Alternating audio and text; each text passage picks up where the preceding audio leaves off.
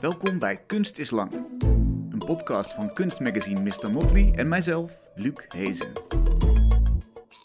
Ja, leuk dat je luistert. In dit seizoen ben ik op tour langs verschillende kunstenaars. Mede mogelijk gemaakt door een aantal musea, door Kunstcentrum Stroom, onze partner voor de kunst, maar ook door donaties van jullie. Dankzij jou zijn nieuwe afleveringen van Kunst is Lang mogelijk. En wil je ook iets bijdragen? Het hoeft niet eens veel te zijn. Ga dan naar de website van Mr. Motley. Ik praat vandaag met Afra IJsma. Ze maakt werken van stof, ze maakt tapijten, maar ook keramiek en papier-maché. Vaak zijn die werken kleurrijk, speels, vrolijk. Een tapijt van een geel beest met vijf kronkelende poten. Of een ronde bank waar je aan alle kanten op kunt gaan zitten. Bovenop de lange slungelige armen en benen van aliens en hun gekleurde platte gezichten. Maar niet alles wat kleurrijk is, is natuurlijk lieflijk en onschuldig. Blijkt in Afra's tentoonstelling die eind maart in het Fries Museum opent. Behalve liefde hebben ook woede en schaamte daar bijvoorbeeld een plek gekregen. We zien een groot tapijt waarin twee brandende duivelfiguren achter vluchtende mensen aanzitten. Aan de muur hangen porseleinen gezichten met ogen gesloten en blos op hun wangen. En op een fantastische 8 meter lang tapijt, in de vorm van een langgerekte vikingboot, zijn hangende bloemen en geschokte gezichten te zien. Van half dier, half mensfiguren. Afra, leuk dat je me ontvangt. Ja, Laten we beginnen met wat meteen opvalt aan jouw werk. Kleurrijk, aaibaar, absurdistisch, vrolijk. In wat voor wereld zijn we beland als we jouw werk zien? Ja inderdaad. Ehm, ja, een wereld vol met energie zou ik zeggen. Ja, ik eh, vind het altijd heel erg belangrijk dat wanneer ik mijn werk maak, dat de energie die ik erin steek ook terugkomt bij de mensen die er naar kijken. En daardoor wordt het ook heel erg tastbaar en wil je er graag vaak aan zitten. Eh, en dat vind ik altijd heel leuk om daar mee te spelen. Ja, Dat moet er in ieder geval in zitten. Het Ja. moet, moet kleur hebben, het moet, je moet er naartoe willen. ja. Oké, en, en dat is dan allemaal reflecties van de energie die jij erin stopt. Mm, ja, eigenlijk wel. Maar ook het is een soort van alsof je ingezogen wordt in een soort van wereld die ik creëer. En ik denk ook dat het heel erg belangrijk is dat je veilig voelt in die wereld die ik maak. Of in ieder geval voor mij is het een plek van veiligheid of waar ik, waar ik me vrij voel. Ja, En dan kom je uit bij bijvoorbeeld aaibaar of eh, fijne tapijten, eh, aliens die je zou kunnen knuffelen. Ja. Is het een weerspiegeling van wat er bijvoorbeeld in, in jouw hoofd gebeurt, van wat je voelt, wat je denkt? Is jouw binnenwereld zo kleurrijk en, en vrolijk als dit en aaibaar? Ehm, soms wel, vaak wel. Soms ook juist het tegenovergestelde. Maar ik vind het eigenlijk heel fijn om al die emoties die ik dan voel en die ik met me meedraag, om dat om te zetten in, een, eh, in werk. En wat ik ook zo fijn vind aan de werken is dat eh, ze geven me altijd het gevoel heel erg van veilig zijn. Dus het is echt een uitlaatklep voor mij, waarbij ik bezig kan zijn en mijn gedachten om kan zetten in het maken van nieuwe soort van creaties, dingen die gebeuren. En een wereld waarin ik het prettig vind om omringd door te zijn. Dus het zijn ook eigenlijk vaak altijd een soort van. De dingen die ik maak vormen zich een soort van karakters, eh, vrienden als het ware, waarin ik eh, nou ja, met hun dan een soort van dialoog aanga. Ja, We zitten nu in je atelier Ja. in Den Haag, te Ja. midden van een soort eh, vrolijke rommel, zou ik, Ja. zou, ik misschien, zou je misschien kunnen zeggen. Je zit voor een heel mooi getuft tapijt, daar ben je mee bezig. ja. Zit daar zo'n karakter in waar, waar je bevriend mee bent en waar je ja dit, conversaties mee? dit tapijt is, eh, wordt een, voor het eerst eigenlijk een vloerkleed. Dus dat is iets nieuws wat ik wil uitproberen. En ehm, dat wordt 6 bij 4 meter. Dus het is ook het allergrootste tapijt wat ik ooit heb gemaakt. Eh, dus het kost bijna. Ik ben er nu al meer dan een maand mee bezig. En het is denk ik nu net op de helft. Ehm, en het tapijt heeft dan een hele felle rode kleur. En de zijkanten zijn eh, paars. En het doet ook denken aan de Hellemond die ook te zien is eh, in het Fries Museum. En op Dat dit... is die vikingboot waar ik het over had, hè? Je, Die- eh, nee, nee. Die, ehm, in de eerste kamer, in de woedekamer, ligt een heel groot ovaal eh, vloerkleed. Wat een soort van rood is, ook met paars. Mhm. En die lijkt eigenlijk op deze, maar dit is dan nog een vergroting daarvan. En ehm, die rode kleur doet me dan ook weer denken aan een soort van de binnenkant van het menselijk lichaam. Een soort van bloed en al die dingen. En ehm, ja, het is een soort van kleur waar je heel erg door in, eh, aangetrokken wordt. En misschien ook iets wat een soort van warmte uitstraalt. Mhm. Eh, en op het kleed zijn dan allemaal figuren te zien. eh, die ook inderdaad rennen, maar niet per se angstig zijn. Dus ik zou niet willen zeggen dat ze zozeer aan het vluchten zijn. Maar ze rennen ergens heen. Zonder misschien een doel of zo te hebben. Want ze rennen ook weer niet weg. Ehm, en ze worden opgegeten door twee monstertjes die weer bestaan uit. eh, de ruggraat besta- bestaat weer uit andere figuren. En de, eh, in de maag eh, wonen ook weer cre- creaties. Dus het lijkt alsof die figuren die wegrennen van die monsters ook weer naar figuren toe rennen die ze weer opeten en waar ze dan weer onderdeel van worden. Ja, beetje, ja, misschien. Nee, ja, heel goed. Ja. Neem ons vooral mee in, in die wereld, Ja. inderdaad. En waar komt dit vandaan? Weet jij dat?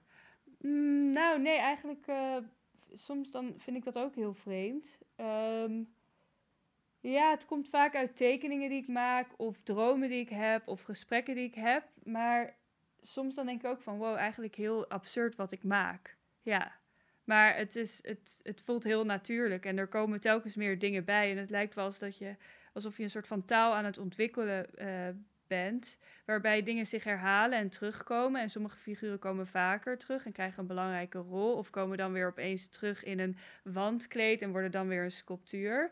Dus het is eigenlijk een soort van taal die zich ontwikkelt, eh, wat ik ook wel heel mooi vind. Ja, En als je zegt, dit atelier is een soort veilige wereld en die kunstwerken die horen daarbij. ja. eh, hoe, hoe ziet een werkdag er voor jou dan uit? Hoe, hoe gaat dat? Ehm, nou, ik heb mijn studio bestaat eigenlijk uit allemaal soort van stations. Dus ik heb een plek waarbij ik eh, textiel maak, een plek waarbij ik keramiek doe, een plek waarbij ik achter de naaimachine zit, eh, een plek waarbij ik schilder. En vaak ben ik, omdat het zo arbeidsintensief is, dan werk ik met bijvoorbeeld eerst de tuften, dus het tapijt maken. En dat doe ik dan een paar uur en dan ga ik vervolgens keramiek om die afwisseling eh, ook te hebben, zodat mijn lichaam niet helemaal opraakt. Want ik heb af en toe ook wel eens eh, een blessure aan mijn rug van het harde werken. Ja, want mensen die tuften niet kennen, dit is een stellage van nou ja, bijna twee meter hoog hè? Ja. En, en dus een meter of drie breed. Ja. En, en voor tuften heb je een soort gun nodig. Een- Ja. een- vertel, hoe werkt dat? Nou, het is eigenlijk een soort van combinatie van een pistool slash boormachine. Of daar doet het een beetje aan denken. En het schiet eigenlijk draadjes in een soort van loop. Dus je gaat door, eh, door de backing, door de achtergrondstof ga je heen. En die maakt kleine loops en komt dan weer terug. En eigenlijk is het alsof je dus alles, net zoals met een potloodtekening, al, al die lijnen die je tekent met een potlood, dat doe je eigenlijk ook op zo'n kleed. Dus al die draadjes die je ziet, dat zijn allemaal nou, draadjes naast elkaar. Dus dat zijn, er zit wel kilometers aan wol in eh één zo'n werk. Ehm, want ik kwam er laatst achter dat op één bolletje rol, eh, wol zit ongeveer soms 300 meter. Dat betekent dat als ik dus, nou ja, ik gebruik vaak wel honderden bollen wol. Dus er zit gewoon kilometers draad verworven in, in één zo'n werk. Misschien dat dat ook wel te maken heeft met die intensiteit van die energie. Dat ook ja, die materie eh, zo intensief is of zo. Ja. Je had het eigenlijk over ehm, figuren die, die als vrienden hier zijn, Ja. aanwezig Ja. zijn. Zit, zit die ook daarin? Ik zie bijvoorbeeld, eh, die, de grootste figuur heeft twee gezichten. Ja. Ehm, ja, sommige figuren zijn vooral bijvoorbeeld... Ik heb een heel lief beertje. eh, die vind ik heel erg lief. Ehm, sommige zijn wat meer, zijn wat enger. Of zijn wat meer angstaanjagend. En ik vind dit figuur vind ik heel erg leuk, want die heeft meerdere hoofden. En heeft hele lange armen en benen. En kan waarschijnlijk heel goed klimmen. En dit figuur bestaat vaak ook uit meerdere figuren. Dus ten eerste heeft het meerdere hoofden. Maar ook de ruggengraat bestaat weer uit een eh, verzameling van mensen die dan op elkaar... Of nou ja, het zijn niet echt mensen, eerder aliens of andere dingen... die weer op elkaar staan en die die rug omhoog houden. Dus het is ook een figuur dat bestaat uit een soort van groepseffort of zo. Ja. Ja, en dat vind ik ook belangrijk. Dat, eh, ja, er is gewoon heel veel liefde in het werk. Dus de, eh, de, eh, de figuren die erin zijn, zijn ook gebouwd onderling door liefde. En omdat ze elkaar dan helpen, komen ze tot ontstaan. Ja.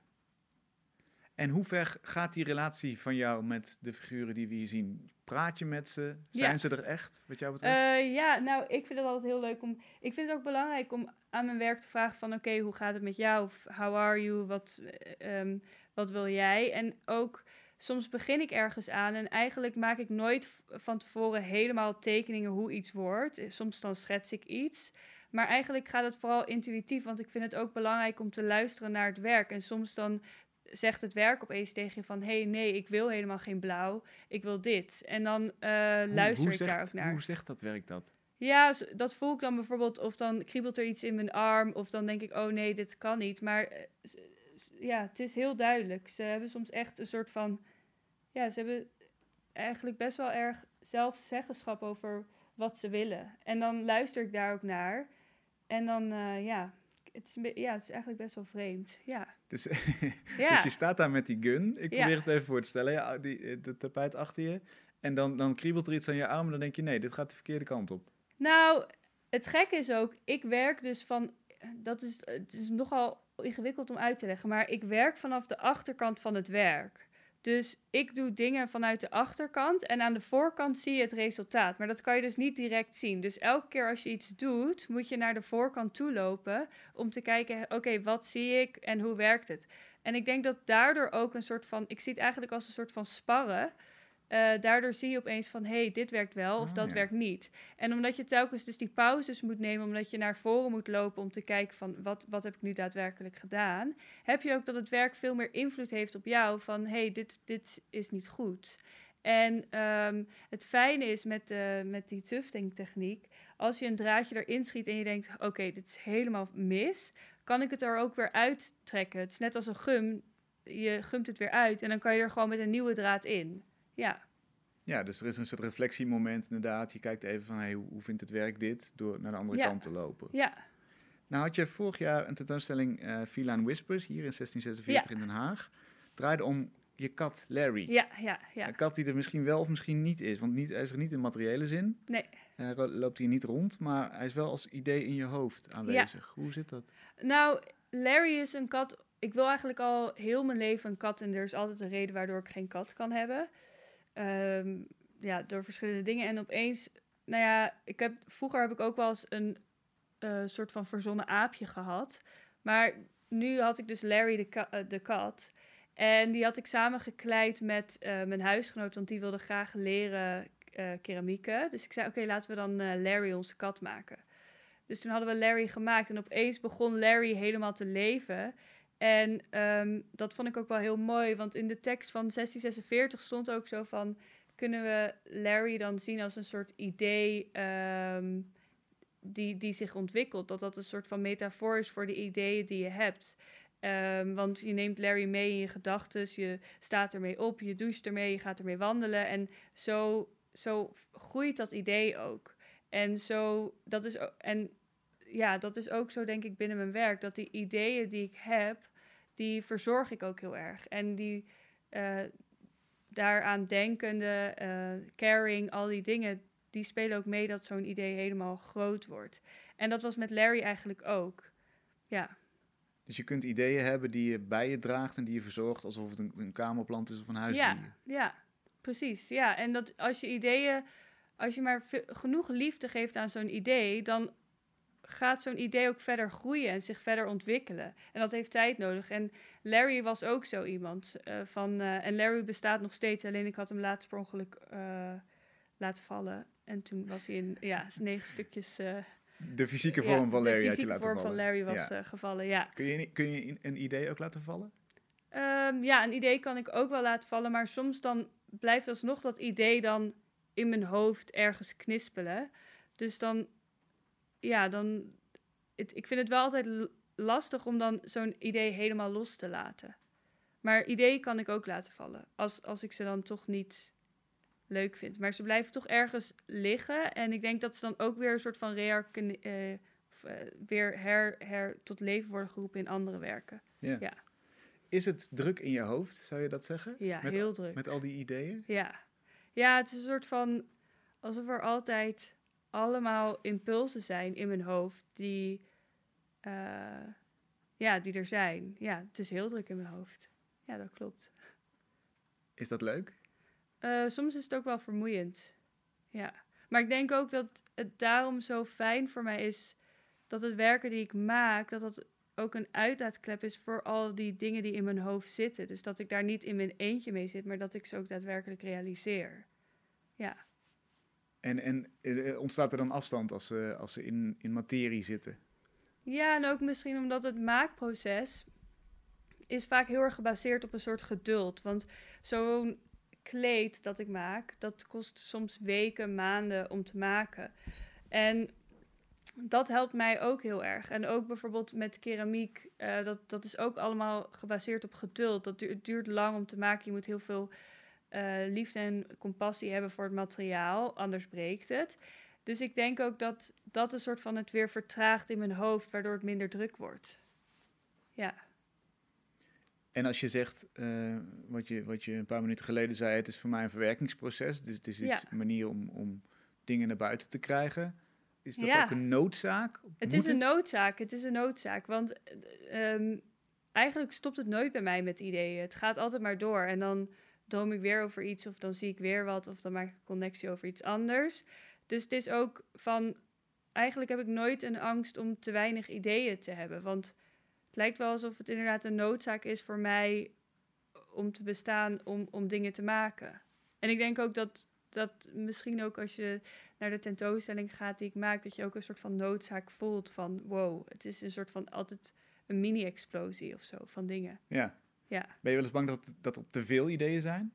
Ja, soms dan denk ik ook van oké, ik moet wat meer gefocust zijn. Of ik zou graag willen dat er uh, op een bepaalde manier meer verdieping is. Maar ik denk ook van er zijn zoveel mogelijke manieren om dingen te maken. En er is niet echt een goed of fout. En ik denk ook dat uh, in de kunstgeschiedenis of in de historie zie je gewoon heel vaak dat inderdaad vaak ideeën heel erg uitgediept zijn en dat het heel erg over concept en dergelijke gaat en dan uitgewerkt is. En dat is bij mij totaal niet zo, maar ik heb ook vrede ermee gemaakt dat dat bij mij niet zo is en dat dat ook niet per se hoeft te zijn. Ik denk dat er verschillende manieren zijn om te maken en dat dat allemaal dat al die verschillende manieren ook een bestaansrecht hebben en dat er niet één de juiste is. Dus ik denk ook van ja, misschien is het ook niet zo erg dat bij mij misschien alles all over the place is. Dat is gewoon mijn manier van, van hoe het is. Ja, ja, absoluut. En is het dan ook zo dat je eigenlijk een lans breekt voor die meer intuïtieve manier van werken? Dat dat, dat er mag zijn naast het, uh, theoretische, conceptuele? Ja, dat vind ik ook wel heel erg belangrijk. En het is ook niet zo dat ik helemaal geen theorie of iets dergelijks binnen mijn werk heb of binnen me, mezelf heb. Ik bedoel, zelf hou ik heel erg van lezen en uh, en theorie, et cetera. Maar ik vind het heel erg belangrijk dat mijn werk ook uh, mag zijn om hoe, hoe dat werk is. Ja. En bijvoorbeeld een tapijt zoals we achter je besproken. Hè? Ja. Uh, heb je daar een soort van theoretisch kader bij? Of is dat gewoon, dat begint gewoon? Dat, nee, het begint gewoon. Het is gewoon een impuls en dan bam. En dan moet ik het gewoon doen en dan ga ik het doen. En ook vaak als ik begin met een werk of met een serie werken. Voor, want eigenlijk maak ik bijna nooit een werk wat los staat van andere werken. Dus eigenlijk is heel mijn oeuvre, als je het zo zou kunnen zeggen, uh, zijn altijd werelden die ik creëer. Dus zo'n werk staat eigenlijk nooit los van andere werken. En ik denk dat dat ook heel erg belangrijk is. Um, dus als ik met zo'n kleed begin, dan ja, dan heb ik die taal waar ik al sowieso in leef. En uit die taal is nog zoveel te putten en te ontdekken. Dus dan is dat vaak het beginpunt, ja. Dus eigenlijk het theoretisch kader ben je zelf, is, jouw belevingswereld. Ja, ja. Ja, misschien ik weet niet of dat theoretisch is, maar in ieder geval, het is, het is een... Ja, theoretisch ook niet misschien het juiste woord bij mijn werk, denk ik dan, ja. Maar er zit een soort van methodiek in of zo. En uh, natuurlijk word ik gevoed door allerlei dingen en impulsen. En boeken die ik lees en teksten die me inspireren. Maar ik ben ook niet iemand die altijd even goed die vertaling weet uh, naar taal toe. En mhm. eigenlijk juist meer is van, nou ja, het visuele. Ik denk inderdaad dat het niet, niet uitmaakt. Het kan naast elkaar bestaan. Ja. Ik zit ook te denken dat vaak een theoretisch uitgangspunt is misschien ook voor de toeschouwer vooral relevant. Hè? Om, om te kunnen navolgen wat iemand doet. Ja, ja. Ja, en um, dat vind ik ook altijd wel inderdaad interessant hoe dat dan werkt. Maar ik denk ook wat ik belangrijk vind binnen mijn werk is dat um, als mensen binnenkomen in de wereld die ik gemaakt heb, die er staat, dat er ook een soort vrijheid is van uh, welke dingen jij eruit haalt die belangrijk voor jou zijn. Dat daar meerdere mogelijkheden zijn en dat, het, dat er niet een één manier is waarop je het werk hoeft te lezen. Dat, dat er niet een goed en fout is.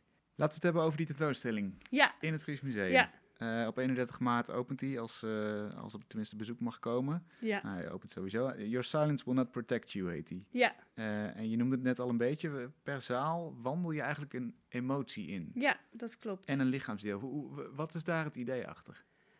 Um, nou, de titel die is geïnspireerd op het boek uh, van Oudere Lorde, uh, Your Silence Will Not Protect You. En zij schrijft heel veel tekst ook over po poëzie en over gevoel en over kracht en een innerlijke kracht. Um, en die tentoonstelling is eigenlijk, we, ik heb het samen met Hanne, uh, de curator, hebben we het opgedeeld in een soort van emoties. de eerste kamer waar je naar binnen stapt is woede. Vervolgens loop je door een hele lange gang en kom je in de kamer van liefde. En vervolgens kom je uiteindelijk in, uh, in een hele grote zaal waar een soort van ja, hele grote maag staat met een geluid, waarbij je geluid hoort van een knorrende maag. En um, dat is de primordial mother stomach, de moedermaag van alle magen.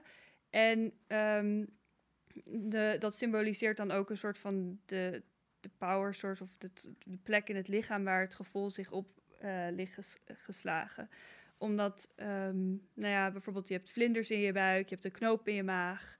Uh, al die dingen komen eigenlijk, ja, voor mij was de maag de plek waar je gevoelens uh, samenkomen. En um, in de eerste kamer, bij de woedekamer, gaat het vooral om het uitspreken van de dingen die je voelt. En ook van hoe kan woede wordt vaak als een soort van negatieve emotie ervaren. Maar eigenlijk vind ik woede een hele mooie emotie, omdat het ook een emotie van kracht is. En je kan woede ook heel goed omzetten in kracht. Dus die eerste kamer gaat eigenlijk om dat uitspreken. En dan in de kamer bij de liefde gaat het om het luisteren en om uh, het luisteren naar elkaar. Want mensen kunnen zich wel uitspreken, maar als je niet luistert, dan, dan heeft het alsnog geen nut. Dus ik denk ook dat vooral dat luisteren heel erg belangrijk is. Ja. En hoe kom je dan inderdaad op die, op die lichaamsvertalingen? Is, is dat, ik, ik kan het bijna niet scheiden van wat je net zegt, dat je, dat je in een wereld optrekt waarin je, waarin je leeft en waarin leven en kunst door elkaar lopen. Ja. Is dat met je lichaam dan ook zo? Is dat ook zo'n overloopgebied? Ja, ik dacht, het is het leuke van zo'n lichaam is dat dat dan ook weer zo'n soort van innerlijk ding is. En dat iets is wat we allemaal een soort van hebben of zo. En um, in de woedekamer hadden we dan bedacht van we koppelen de woede aan de mond en aan uh, bijvoorbeeld je schild, je knarst met je tanden. Uh, al die dingen bij elkaar. En um, het grappige is ook dat in die woedekamer ligt dan een hele, heel groot vloerkleed. Uh, met, of dat is op een soort van verhoogd dingetje. Um, en daarin zie je dan ook figuren die andere figuren eigenlijk opeten. En die gaan dan wonen in de maag. En uh, je ziet er zonnebloemetjes. En die zijn aan het fluisteren met elkaar. Dus daarin staat die, die mond staat dan centraal. En vervolgens kom je in de gang met die hele grote soort van raar, raar schip. Met al die figuren er ook weer op. En alle werken zijn gericht naar de maag toe. Dus alle werken die hebben de richting van de maag. Die, die gaan richting de maag. En in de liefdeskamer was eigenlijk het uitgangspunt het hart. Maar uiteindelijk is dat toch ook wel het oor, het luisterend oor geworden. Um, omdat luisteren denk ik eigenlijk ook een hele belangrijke emotie is. Ja. En, uh, of, ja, ik weet niet of luisteren een emotie is, maar luisteren is heel erg belangrijk. En doordat je luistert, toon je liefde, denk ik. En dan heb je inderdaad de maag. Zijn dit ook weer andere werelden wat jou betreft? Stapt de bezoeker in een, in een andere wereld? Um, ja, ik denk dat deze wereld is eigenlijk ontstaan uit een soort van... Ja, voor mij in ieder geval uh, het, het omgaan met, een trauma, met het trauma dat ik heb. En ik dacht, dat is een mooie manier om dat trauma ook plaats te geven. En ik denk dat dat ook komt omdat ik uh, op dat moment, toen ik begon met dit werk daarvoor heb ik heel lang dat trauma kunnen onderdrukken en opeens kon dat niet meer. En toen dacht ik, oké, dan, dan kan ik dat niet meer los van elkaar zien. Dan is het belangrijk voor mij om daarmee een soort van om te gaan. En omdat mijn werk ook zo'n veilige plek is en dingen een soort van plekje geeft, dus dat vertalen van dat drukke hoofd naar de realiteit, dacht ik, hé, hey, dit is eigenlijk een heel goed moment en ook heel belangrijk voor mezelf om dat allemaal een soort van plekje te geven in de echte realiteit. Waardoor dat niet alleen maar in mijn hoofd zit, maar ook ja, dat bestaat. En dat ik dan ook misschien een soort van, ja, niet afsluiting, dat, dat is het niet. Maar in ieder geval wel beter ermee kan omgaan. Ja. Dat ja, is- dus het is wel een specifieke wereld, die wereld, ja. Ja.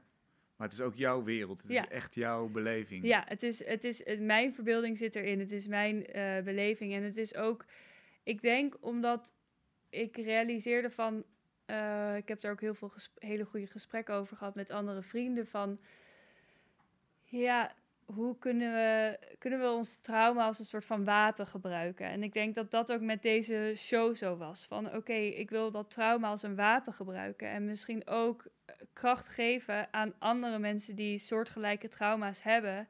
En ik denk ook dat daar die titel van Oudere Lorden zo belangrijk in was. Van eh, Your silence will not protect you. Want zij schrijft ook van ja, op zijn minst spreek je uit, want je wil niet in stilte doodgaan. En dat was ook exact. Ik denk dat haar teksten hebben gewoon zoveel belangrijke. Nou, hebben een hele grote kracht aan mij gegeven om ehm, nou ja, door te gaan met, met, met het verwerkingsproces, met het leven. En om langzamerhand van in plaats van een staat van overleven naar weer terug naar leven te gaan. En die kracht die zij mij gaf in de teksten, vond ik zo belangrijk om dat dan ook de titel van de tentoonstelling te maken. En ik hoop ook dat die hele tentoonstelling een soort van weer kracht kan geven naar anderen en anderen kan inspireren om zich ook uit te spreken. Ja. Ja. Want als je, als je zegt, your silence will not protect you, dat zegt eigenlijk, eh, blijf niet zwijgen, krop het niet op, want Ja, daar kom je zelf niet verder mee. precies. En ik denk ook dat als we verandering willen, dan moeten we ons ook uitspreken.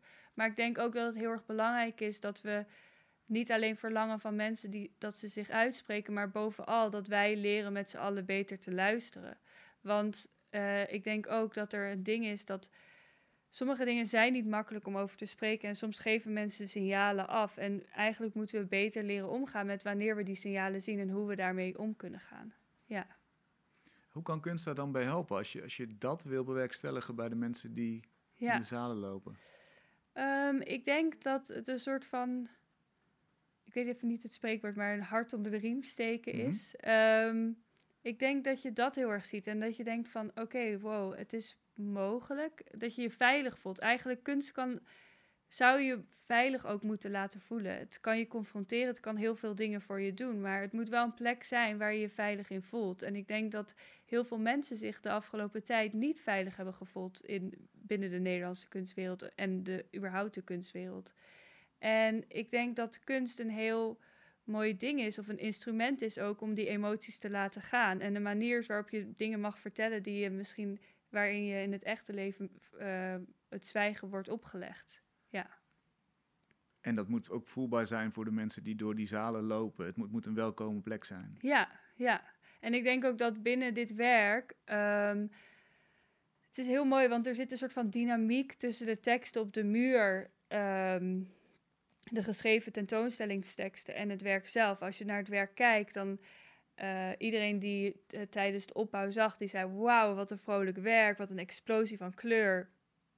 Terwijl voor mij is het een heel, heel kwetsbaar, is het een heel kwetsbaar werk. En is het veel, nou ja, gaat het eigenlijk, komt het uit een hele verdrietige, duistere plek in het lichaam of zo. Welk werk heb je het nu over? Eh, nou ja, die hele tentoonstelling. Ja, ja. ja. En, ehm, en dat vond ik ook wel weer interessant of zo om te horen van... oké, als je het niet weet, dan zie je eigenlijk gewoon werk wat heel erg vrolijk is... en wat heel erg liefdevol is en waar heel veel kracht, energie, et cetera in zit. Maar wat voornamelijk positief is. Maar die tekst op de, op de muren die een soort van inleiding geven... in een soort van dat kijkje eh, naar die vertaling van de wereld in mijn hoofd... en hoe het daar hangt of zo...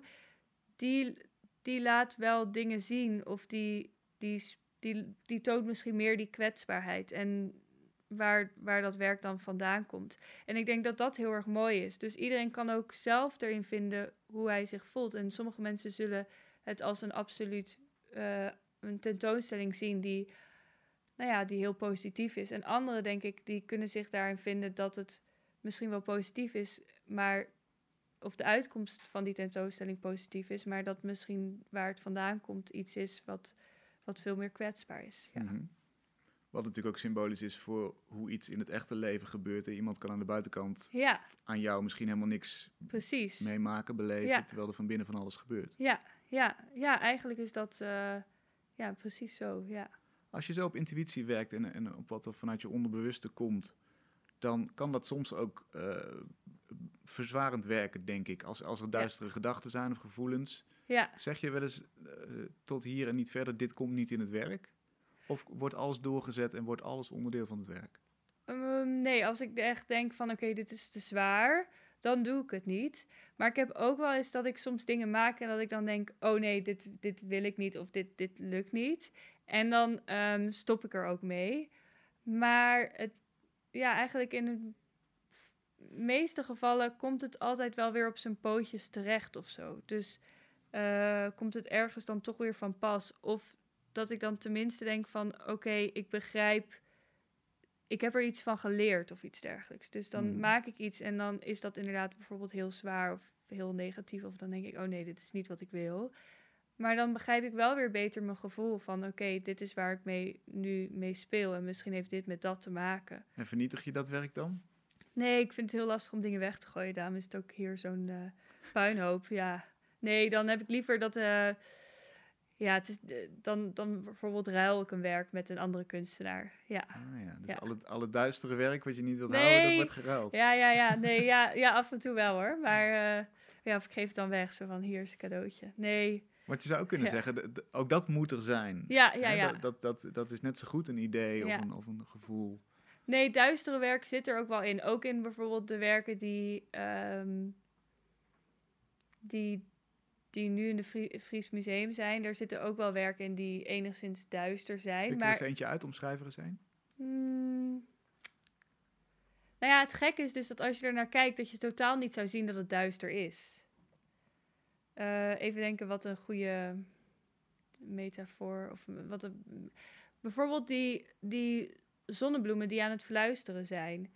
Dat is een heel vrolijk eh, werk als Van je er naar kijkt. hè? Ja, van keramiek. En ze hebben dan een soort van handjes die dan eh felgeel zijn met blauwe stippen. En dat doet dan weer denken aan een soort van slangen. Eh, dus het heeft dan, ja, ik, nou ja, het zijn hele lieve, lieve werkjes. Maar het heeft ook weer te maken met een soort van dat, ja, een soort eh, dat beknelde gevoel dat je niet kan zeggen wat je wilt zeggen. En dat dat zwijgen je wordt opgelegd. Maar dat je, dat je daardoor niet kan schreeuwen, maar wel kan fluisteren. En eh, dat je wel, ja, die whispers kan laten rondgaan. En ik denk dat dat bijvoorbeeld zo'n werk is wat misschien niet duister, maar wel kwetsbaar. Iets wat zo persoonlijk bij mij ligt, maar waar ik niet over kan vertellen, dat ik dat dan toch laat zien. En eigenlijk daardoor misschien ook wel een van mijn favoriete werken in die hele tentoonstelling is. Ja. En daar kun je nog wel naar kijken. Dat is niet, Ja. is niet pijnlijk als je dat ziet. Nee, want ik heb vaak juist dat. Bijvoorbeeld, dat was ook wel interessant. Want ehm, ik werk dan nu eh, veel samen met een, eh, mijn assistent Mechtelt. En eh, toen wij samen aan het opbouwen waren, hadden we ook af en toe echt wel even dat we bijvoorbeeld moesten huilen. Of dat we even. Dat het gewoon emotioneel ook zwaar was. Omdat in dat werk zitten ook heel veel gesprekken die wij hebben onderling hebben gevoerd over eh, trauma en al al die dingen. Dus dat voel je dan ook weer terug als je dat werk weer ziet. En dat is ook weer gek, omdat je maakt werk en dan, nou ja, omdat ik, ik heb een hele grote studio, maar niet zo groot. Dus je moet het weer oprollen en dan stop je het in een tas en dan die energie is eruit en je voelt je beter. Maar dan komt dat werk weer terug en opeens komen die verhalen weer terug en opeens komen die herinneringen weer terug. Dus ja, dat gebeurt ook. Ja. Maar ik vind het ook weer juist heel goed, want ik merk ook dat misschien dat is ook dat als je dat uitspreekt, dat zorgt ook juist voor dat je kan werken aan wat er, wat er is gebeurd en dat je het een plek geeft en dat je het erkent. En ehm, dat is ook heel belangrijk. Ja. Hoe zit het met de afstand van het werk eigenlijk? Vind je het belangrijk dat een toeschouwer die van niks weet en misschien niet eens die teksten leest op, op de muur, Ja. eh, moet hij zich tot het werk kunnen verhouden? Vind je het erg als hij heel iets anders ziet dan, dan wat jij erin stopt, omdat het jouw persoonlijke Ja. verwerking is? Nee, ik vind dat juist heel erg leuk. Ik moest daar ook altijd om lachen, omdat eh, eh, het opbouwteam van het Fries Museum, die zagen er echt een ongelooflijk gezellige, eh, fantastische, kleurrijke, positieve tentoonstelling in. En dat vond ik juist ook heel erg leuk, omdat ik denk van, dat is ook helemaal goed. Ik bedoel, het is ook perfect als je er vrolijk van wordt, want het, ja, dat, dat maakt voor mij niet uit. Maar ik hoop wel dat het voor de mensen die dit nodig hebben, die door zoiets zijn gegaan als dat ik heb meegemaakt, dat het voor hun kracht geeft. Dat, dat zou ik heel fijn vinden. Maar ik vind het ook absoluut niet erg als alle anderen die dat niet hebben, die er naar kijken en die gewoon energie ervan krijgen. En daardoor, weet ik veel, een goede dag hebben en lief zijn tegen elkaar. Uh, dat vind ik ook prima. Ja. ja. Staat dit werk omdat het zo vanuit dat trauma opgebouwd is, heeft dat een andere plek in je oeuvre dan bijvoorbeeld iets wat een jaar geleden gemaakt is? Zit er een breuk? Um, nee, eigenlijk niet. Want ik denk dat dat altijd, dat, dat trauma is, bestaat langer. En uh, ik denk dat dat ook wel misschien subtiel al in andere dingen uh, aanwezig was. Bijvoorbeeld in de tentoonstelling van de Feline Whispers, want daardoor heet het ook Feline Whispers. Ehm, maar daar was dan nog niet de nadruk op. Of dan was ik daar nog minder uitgesproken over dat dat misschien daar vandaan kwam. Het whisperen als in ook weer alleen maar kunnen fluisteren over. Ja, ja, maar ook een soort van feline is een soort van katachtige of een vrouwelijk. Ik heb dat dan associeer daarmee. En feline whisper, zo van de kracht die het heeft om met elkaar te gaan praten. En um, nou ja, dat zijn een soort van subliminal messages die er dan zijn. Maar telkens wordt het duidelijker. En ik denk dat dit wel de eerste tentoonstelling is waarbij ik klaar was, voor mezelf ook klaar was om het aan te gaan, om mezelf in de ogen aan te kijken van het werk wat ik nu maak, komt direct voort uit dat trauma en heeft daarmee te maken. En dat is ook om voor mij dat trauma een plek te geven. En ook om er iets positiefs van te maken, want dat vind ik ook belangrijk. Dat het weet je wel, ik ben ook hartstikke trots en ik wil het niet zien als een soort van slachtofferrol waarin ik inzie, maar juist als een kracht die ik heb uh, en ook die kracht weer terug-eigenen. Ja. Ja. ja. Dan ga je eigenlijk van, van whisper naar je uitspreken. Ja. Komt er dan, is de volgende tentoonstelling dan schreeuwen? Wordt dat een soort brullen? Ja, misschien wel. Nou ja, wat er gebeurd is? Ik, um, ja, dat, dat zullen we meemaken. Het lijkt me eigenlijk heel erg leuk om in de toekomst, zou ik graag een... Uh, misschien met een heel nieuw medium willen gaan werken. Dus ik wil eigenlijk kijken of ik misschien wel met film ga werken. Dus ik weet ook niet wat er gebeurt. Want uiteindelijk volg ik ook maar gewoon die intuïtie die komt en zie ik het wel. Maar um, het lijkt me heel leuk om weer nieuwe dingen te ontdekken. Ja. Wat zou kunnen duiden op dat je, dat je een nieuwe manier zoekt om je uit te drukken. Ja. Dat, dat, dat, je dit misschien, hè, dat dit een te beperkte taal is geworden of zo? Gaat het die kant op? Mm, nou, nee, maar ik denk dat bijvoorbeeld met film is het zo leuk dat je Um, ten eerste omdat ik daar gewoon heel weinig kennis van heb. En ik vind het altijd heel leuk om nieuwe dingen te ontdekken. Maar ook omdat met film heb je misschien veel meer dat je kan uh, dirigeren hoe er gekeken wordt in die wereld. En ook, je kan ook heel veel. Ja, ik denk gewoon dat ik daar heel veel mee kan spelen. Uh, en dat dat heel interessant is. En dat dat misschien wel heel leuk kan werken met, met, in combinatie met. Uh, die wandkleden en keramiek, et cetera. En ook bijvoorbeeld nu met papier maché vind ik ook een fantastisch medium. Daar had ik ook nog nooit mee gewerkt. En het is heel viezig met die lijm en zo, en zo. Maar ik dacht wel van, wow, heel veel nieuwe mogelijkheden die dan weer komen. Dus ik denk ook dat ik ja, misschien de komende maanden rust ga nemen om mezelf te verder te ontwikkelen. Want daar heb ik eigenlijk ook wel heel veel behoefte aan. Ja. Het is natuurlijk een rare tijd nu vanwege corona. Musea zijn dicht. Is er uh, als je zo het belang van deze tentoonstelling als een safe space omschrijft, hè, zijn er dan, waren er activiteiten gepland? Waren er uh, nee, eigenlijk, dingen? Eigenlijk uh, niet. Eigenlijk was het gewoon deze tentoonstelling. Maar nu gaan we misschien um, een film maken van de tentoonstelling als hij niet open gaat of als hij maar heel kort open gaat. Ja. Hoe, wat vind je het belang van die safe spaces in kunst? Je hebt nu vanuit je eigen verhaal dat gemaakt. Ja. Maar uh, bijvoorbeeld Audre Lorde is ook heel erg, gaat ook heel erg over discriminatie. Ja, ja. De positie van zwarte vrouwen ten opzichte van witte vrouwen. Ja. Uh, zou dat ook iets kunnen zijn waar je... Heb je daar rekenschap van gegeven? Van, hey, ik, ik ben een witte vrouw. Ja, dat staat ook... Uh, dat vind ik ook heel erg belangrijk. Want Oudere die schrijft haar teksten voor uh, zwarte vrouwen en vrouwen voor kleur. En ieder ander is een gast in, in haar tekst.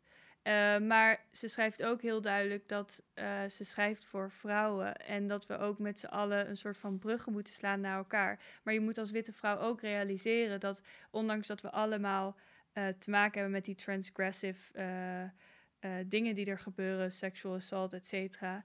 Ehm, dat zwarte vrouwen daar ook nog een andere laag bovenop hebben. En dat is racisme. En ik denk ook dat het heel erg belangrijk is om die positie te erkennen en daarin als witte vrouw zijn een best mogelijke ally te zijn voor vrouwen van kleur, voor zwarte vrouwen. En ehm, ja, ik denk ook dat met dat, ja, ik denk ook dat die tekst, die, of die titel, de keuze van het gebruiken van de titel van Oudere Lorden, kwam echt uit een plek van dat zij mij zoveel kracht gaf. En ehm, daarom heb ik daarvoor gekozen, omdat zij echt hoop gaf aan mij. En in haar teksten schrijft ze ook wel weer dat, dat uiteindelijk haar teksten ook inderdaad juist gaan om dit soort dingen. Dus ehm, dat staat verder ook wel heel duidelijk eh, gelukkig aangegeven in, in de uh, tentoonstellingsteksten. Maar ik heb daar ook wel met, zelf over nagedacht en vooral heel veel vrienden van kleur gevraagd van... hé, hey, wat vinden jullie ervan als ik dit gebruik, et cetera. Omdat ik natuurlijk ook niet zomaar het werk wil appropriëren van een zwarte vrouw. Ja. Zou het ook nog een, een onderdeel kunnen worden van een bredere beweging? Want, want nou ja, Safe Spaces gaat ook over solidariteit, voor elkaar opkomen, elkaar horen. Nou ja, ik denk op dit moment wordt er gewerkt aan ehm, een uh, artist-led movement uh, of groep, Engagement Arts NL. En ik denk dat zoiets fantastisch zou zijn binnen de beeldende, beeldende kunst. Een plek waar kunstenaars voor kunstenaars er zijn om naar elkaar te luisteren en elkaar te helpen. Dus ik denk ook wel dat er op dit moment eigenlijk een hele interessante tijd is, omdat er heel veel verandering nu is. En omdat ik denk dat mensen zo'n grote wake-up call hebben gehad, dat mensen nu ook echt kijken van oké, hoe kunnen we structurele verandering doen in de, binnen de kunstwereld om onze uh, kunstsector ook een veiligere plek te maken. En uh, ja, dat, vind ik wel heel erg goed. Ja. Zou het, is het een, een een droom of een, of een hoop van je dat je bijvoorbeeld over een jaar of twee dat, dat deze negatieve dingen en misschien zelfs het eh, grote woorden als het hervormen van een kunstsector, ja. Uh, als dat allemaal niet meer nodig is of als het niet meer je werk beïnvloedt, is dat een streven? Um, nou, ik denk dat ik denk altijd dat er, ja, ik denk dat, dat we nog een hele lange weg te gaan hebben. Dus ik denk dat dat niet binnen twee jaar of binnen mijn leven in ieder geval vervuld is. Maar ik denk wel dat het Kijk, nu is het best wel prominent in mijn hoofd, maar dat komt ook mijn eigen rol daarbinnen uh, dat dat zo is. Maar het lijkt me inderdaad wel fijn dat, dat op een gegeven moment, in ieder geval voor mij, ook dat trauma meer een plek heeft gekregen.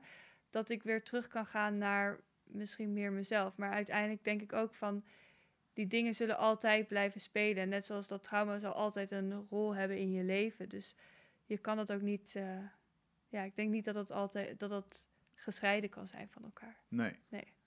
Nee, precies. Dat hoeft misschien ook niet. En het is ook de manier vanuit intuïtie en vanuit het onderbewuste waaruit je werkt. Ja. Die zorgt dat het een soort van verslaglegging van je leven is eigenlijk. Ja. Hè? Verweving van die zaken met de kunst. Ja. Wat ook een mooie kunstopvatting is, dat, dat de kunst de weerslag is van een mensenleven. Ja, ja, dat klopt. Ja, dat is een mooie, mooie gezegde. Waar, waar ben je over vijf jaar mee bezig? Laten we eens een voorspelling doen. Is het dan film? Uh, nou, nee, want ik hou te veel van. Um, ik ben dus heel slecht met digitale dingen, dus dat vind ik altijd heel erg lastig. Um, dus ik eigenlijk craft. Ik hou heel erg van craft, omdat ik daardoor veel dingen doe met mijn handen. En daardoor ook dus inderdaad uh, die vertraging heb van die extreme hoeveelheid in mijn hoofd naar wat er daadwerkelijk dan gemaakt wordt. Ik denk dat dat heel erg belangrijk is. Dus ik hoop dat over vijf jaar ik een nieuwe craft techniek heb ontwikkeld, uh, heb geleerd. Oh ja. Dat lijkt me fantastisch. Porselein. En misschien ook inderdaad film. Of het lijkt me ook vet als ik een soort van misschien meer performance-achtige kant op kan gaan. Ja. Zit uh, Cat Larry eigenlijk nog in de tentoonstelling? Niet in deze, nee. Dus uh, Larry de Cat die is even met retirement, of die slaapt.